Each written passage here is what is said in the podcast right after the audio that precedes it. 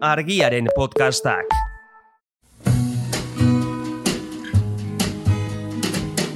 Don't know much about history. Don't know much biology. Don't know much Hau, oroimen histerikoa da. Historia diren istorioek txoratzen gaituztenon podcasta. But I do know that I love you. And I know that if you love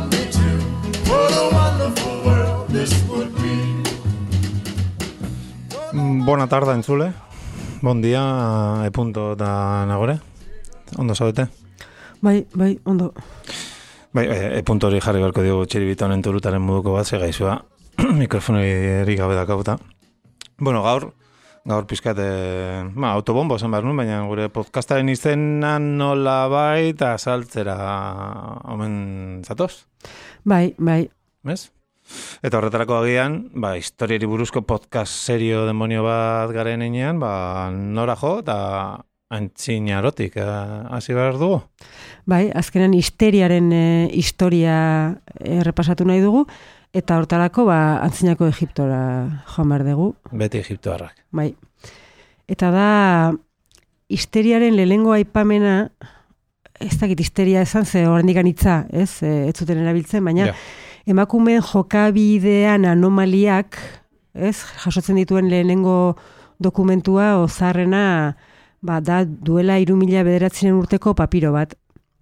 Eta e, antzinako Egiptoarrentzat, ba, portaeran ahasmendu hori e, uteroaren desplazamentuak eragiten zuen. Ara, literalki utero edo umetoki errariak e, ziren, ba, ez dakit, basamortuko harriak bezala, izarrak bezala, edo, edo Mikel Laboaren e, egaztiak bezala, ez? Egaztierrariak pausatu dira lehioan bai, bai. Errari, ze polita. Bai, bai, utero errariak. diren lekuan Baina, bueno, utero errariak ez ziren pausatu, e, Mikel Laboaren egaztiak bezala, eta antzinako Grezian ere, e, pues jarraitze zuten pentsatzen, e, Egiptoarrek bezala, ez, e, ba, uteroak e, eragiten zuela hori, eta izena haie jarri zioten. Istera, e, antzinako grekeraz, e, uteroa da, umetokia da. Beraz, histeriaren etimologia garbi dago. Eta greziarrek egin zutena zen, e, ba, beste gaixotasun edo beste sintoma bat gehitu, bat- batzuk e, gehitu zizkioten histeriari, eta kasu mm, e, honetan, ba, adibidez, antzutasuna, eta ezkongabe izatea. Oh, pekatu larria. Bai, bai, oso sintoma larria. Toma larria. bai. Eta erroman ere jarraitu zuten sintomak eta gehitzen. Nola ez. Bai, abortu naturalak, amenorrea, menopausia bera ere, e, histeriaren e, sintometako bazan, eta uteroaren e, funtzionamendu desegokoeari lotuta jarraitu zuen histeriak, baina e, utero errari edo utero ibiltari, utero mugikorren e, teoria hori baztertu egin zuten. Lastima, fantasia pixka bat kendu zioten Mm, bai. e, histeriari. Eta beraz, ikusten duguna da, antzinaroan, e, histeria dela e, aterki termino e, moduko bat, eta orduan e, normaltzat jotzen ez ziren orotariko jokabideak, ugalketa aparatuarekin zerikusia zuten gaixotasunak, edo prozesu naturalak, ze mono, menopausia ez da gaixotasun bat, prozesu naturalaren e, parte da. Eta gainera, oraindik e, azalpenik ez zeukaten gaixotasun batzuk ere sartu zituzten, e, adibidez, epilepsia.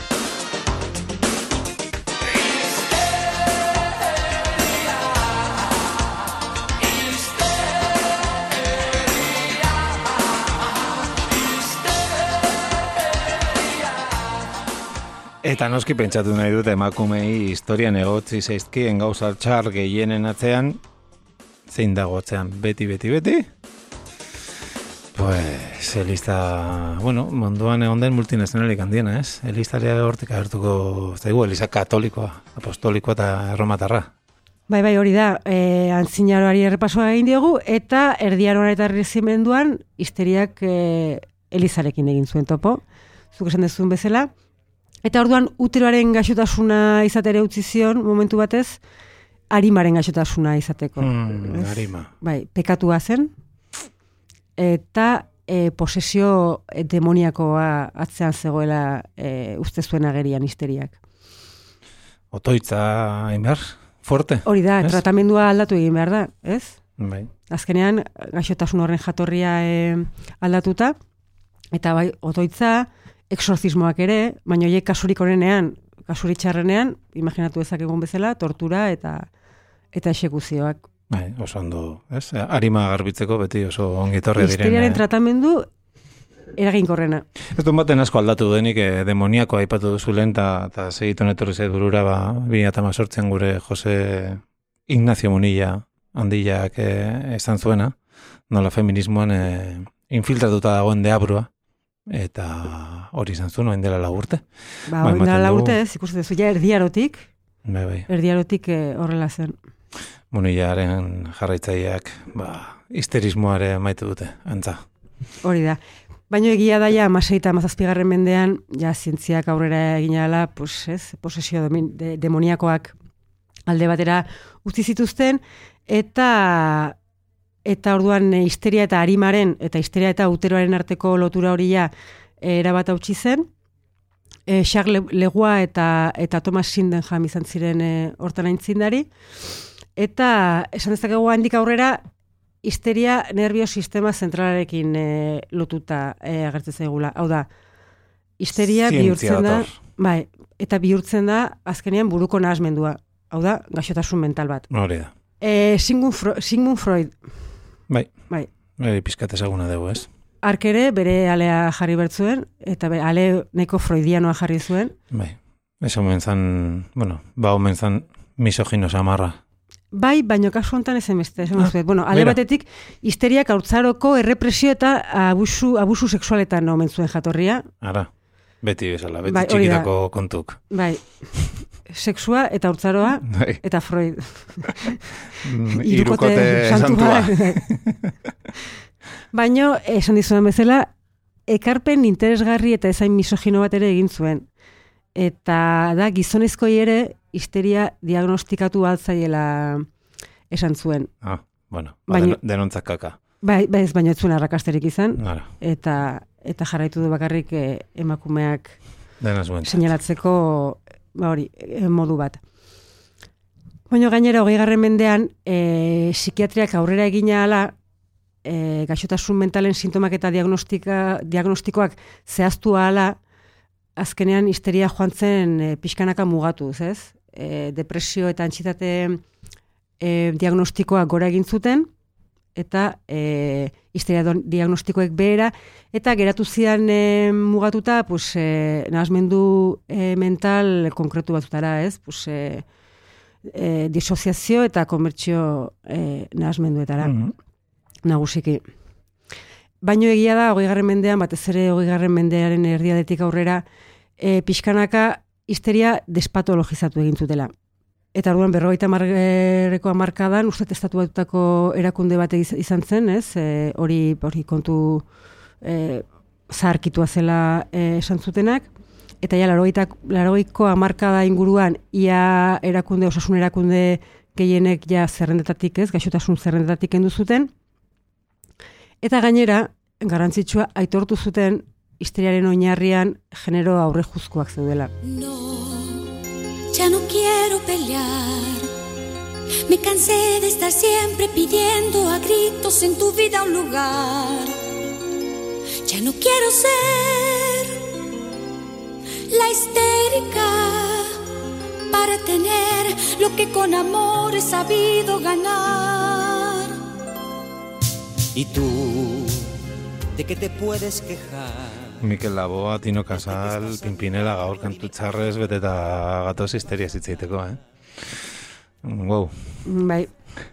Baina, bueno, e, badirudi ondo bukatzen ari zela historia, ez? E, histeriaren historia. Bai, eta milaka urte batzuk behar izan. Eh, Baino, bai, baino esan dezakegu despatologizazioa nolabait ere garaipen gazigozoa izan zela emakume ontzat. Zea raro. Bai, zergatik, ba, vibradoreak eskuratzeko erraztasuna galdu zutelako.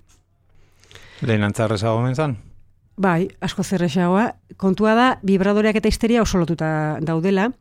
E, Victoria Aroan, vibradoreak histeria tratatzeko erabiltzen hasi ziren, ez dakit ikusta daukazuen e, 2011ko pelikula badago, histeria izenburua duena, Bai. eta pixka bat hori hori kontatzen du, ez? E, hori, historia tratatzeko nola hasi ziren... E, Vibradoren bitartez. bai. Gau, itxuraz, ez zeukan e, inolako konotazio sexualik, horrek. E, emakumen orgasmoa bera ere, ez zomen zen existitzen, Hori ere ez. ez paroxismo histerikoa esaten zioten. Ze polita. Bai. Eta beraz, vibradoreak ziren e, gailu terapeutikoak, eta dozein saltokitan, eta ez, saltzen zituztenak. I'm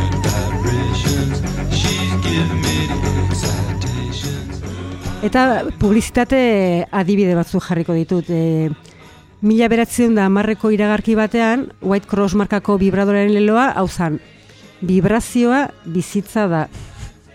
Vibration is life. Hori da. Eta mila behatzion da emezortziko sir saltokitako mm, katalogoan, izenburua zen emakume orok estimatzen dituen laguntzak, eta hor barruan pues, e, dozena bat edo etxetresna agertze ziren, eta hoien artean vibradorea, eta zioten vibradoreak zirela etxerako erabilgarriak eta satisfaktorioak. Vibradore eta etxetresna esaldi beren e, gustatzen zait. Eske ala zen, eta pentsa, mila betziron da bian, merkaturatu zuten e, a- estatu batuetan lehen vibradore elektrikoa. Horrek esan nahi du, izan zela elektrifikatu zuten seigarren etxetresna. Adibidez, xurgagailua, aspiradora, Bai, bai. e, bederatzi urte geroago elektrifikatu zuten, eta plantxa edo lixa burdina handikan amar urtera. Ja. Bueno, aintzindariak. Baina, bueno, lehen esan dugun bezala, mila behatziron da berrogeita mabian, e, estatu batuetako psikiatria elkarteak esan zuen histeria etzela gaixotasuna, eta orduan vibradoreak terapeutikoa izateari utzi zion. Eta bihurtu zen, jostailu sexuala. Eta saldoketatik, kendu. Claro, ja tabu bihurtu zen, eta saltoki oiko saltokitatik e, kendu zuten. Ba, ze pena, kriston eszena politak kendu dizkigute horrela, ze, pentsa supermerkatura joan, eta ama letxuak eta porruak aukeratzen lehen bitartean, semeari es- esatea, ba, Mikeltxu, e, ekarri hor apal gainean dagoen biradorioetako bat, e, etxeakoa berritu behar dudala, pues alako eszenak Bai. galdu Galdu ditugu, ez? Eh, Hori batetik eta gero egia da despatologizazioak ere ez duela ekarri histeria terminoa erabat desagertzea. Eta hitz hori oraindikan ez eh, emakumeak iraintzeko erabili izan dela. mhm. Orduan errepaso egin ondoren nolatan eh, bururatu zitzaigun gure podcastari oroimen histerikoa izena jartzea. Pues horri esaten zaio reapropiazioa, ez? E, azkenean da e, kolektibo batek iraingarria den termino bat hartzen du eta nolabait ere buelta ematen dio. Geure egin. Ezta? Hori da. Eta azkenean da, e, horrekin lortzen dezuna da, irain hori neutralizatu egiten dezu, edota e, beste balio bat ematen diozu, ez? E, balio erantzi bat e, hartzen du komunitate horrentzat. Adibidez, gurean, bueno, asko esan behar nun, ez dakit asko den, baina nola baiteko normaltasunez entzuten diren boiera, edo Hori da. marikoia, kasu. Hori da, bai, bai. Eta adibidez LGBT e, komunitatean dago beste hitz bat oso adibide garbia dela queer, Kuirra. bai. Eta beltzen komunitateak niger e, hitzarekin Bai. ere egin du hori. Beltza. Eta beste adibide historiko artistiko bitxi bat ere badago, Jo. ez dakit ezagutzen zenuten, eta da impresionistena. Mm. Hor, mila sortzion da irurogeita malauean, impresionistek oraindikan itzen, izenik ez zeukaten arren, Bai, beren buruari zioten deitzen impresionista. Ez, hori da. Eta hori lehen erakusketa mm, independentea egin zuten e, urte hartan, eta besteak beste Claude Moneten impresioa egun sentia izeneko e, lana aurkeztu zuten. Izenburu hori aprobetsatuz, Louis Legoa arte kritikariak e, impresionisten erakusketa izeneko artikulua idatzi zuen, eta egite zuena da artistaiek ridikulizatu Bai. haietaz parre egiteko erabili zuen e, terminoa. Artistek orduan zer egin zuten? Bere egin. Irainaura hori bere egin zuten, eta o, ederki dakigunez gaur egun, eh, iraingarria izatari utzi zion, eta eta beste balio positibo bat hartu zuen. Beraz, podcast honen izenak ez, hitz erraz bat izateaz gain, gehiago ere izan nahi du, ez, eta da histeriaren aldarrikapena, ez? Eta azkenean, ba, utero errarien, utero ieslarien, utero dantzarien aldarrikapena. Yo soy la que mato, coro con los capos, loquita paso el rato, controla tu gato. Yo soy la que mato, coro con los capos, loquita paso el rato, controla tu gato. Nene, si tú quieres me pego, la mata que tiene la prendo, traen botella, quemamos adentro, te lo muevo suave o violento. Nene, si tú quieres me pego, la mata que tiene la prendo, traen botella, quemamos adentro, te lo muevo suave o violento. Argi geratu zaigu e puntok utero perreatzailea daukala, Eh, usten zaio. abestia aukeratu duelako. Eta utero errariak, utero dantzariak e, aldarrikatzen ditugula aprobetxatu nahi dut ohar bat egiteko eta da utero errariak eh, diegunean, ez, horiek aldarrikatzen ditugunean, eh, ez gehalari organo fisikoaz. Hau da, uterori gabeko emakumeak ere histerikoak dira eta utero errari disidente dantzari metaforikoak dituztela. Hori da. Eta beste bar bat, bai, ikusi da ze kantatzarra jarri digune puntok, ba, hankartean eta buru edo belarri artean duzuna duzula, ba, noizean behin, eta alba da histeriko baten moduan, txakurtu, perreatu pizkat, e, amar medikoetatik amaika gomendatzen dut eta. Hori da. Argiaren podcastak. Podcast hau libre eta doan zabaldezakegu argiaren komunitatea osatzen duten milaka lagunek proiektua diruz babesten dutelako. Zuk ere kazetaritza independentea bultzatu nahi baduzu, egin zaitez argiako kide.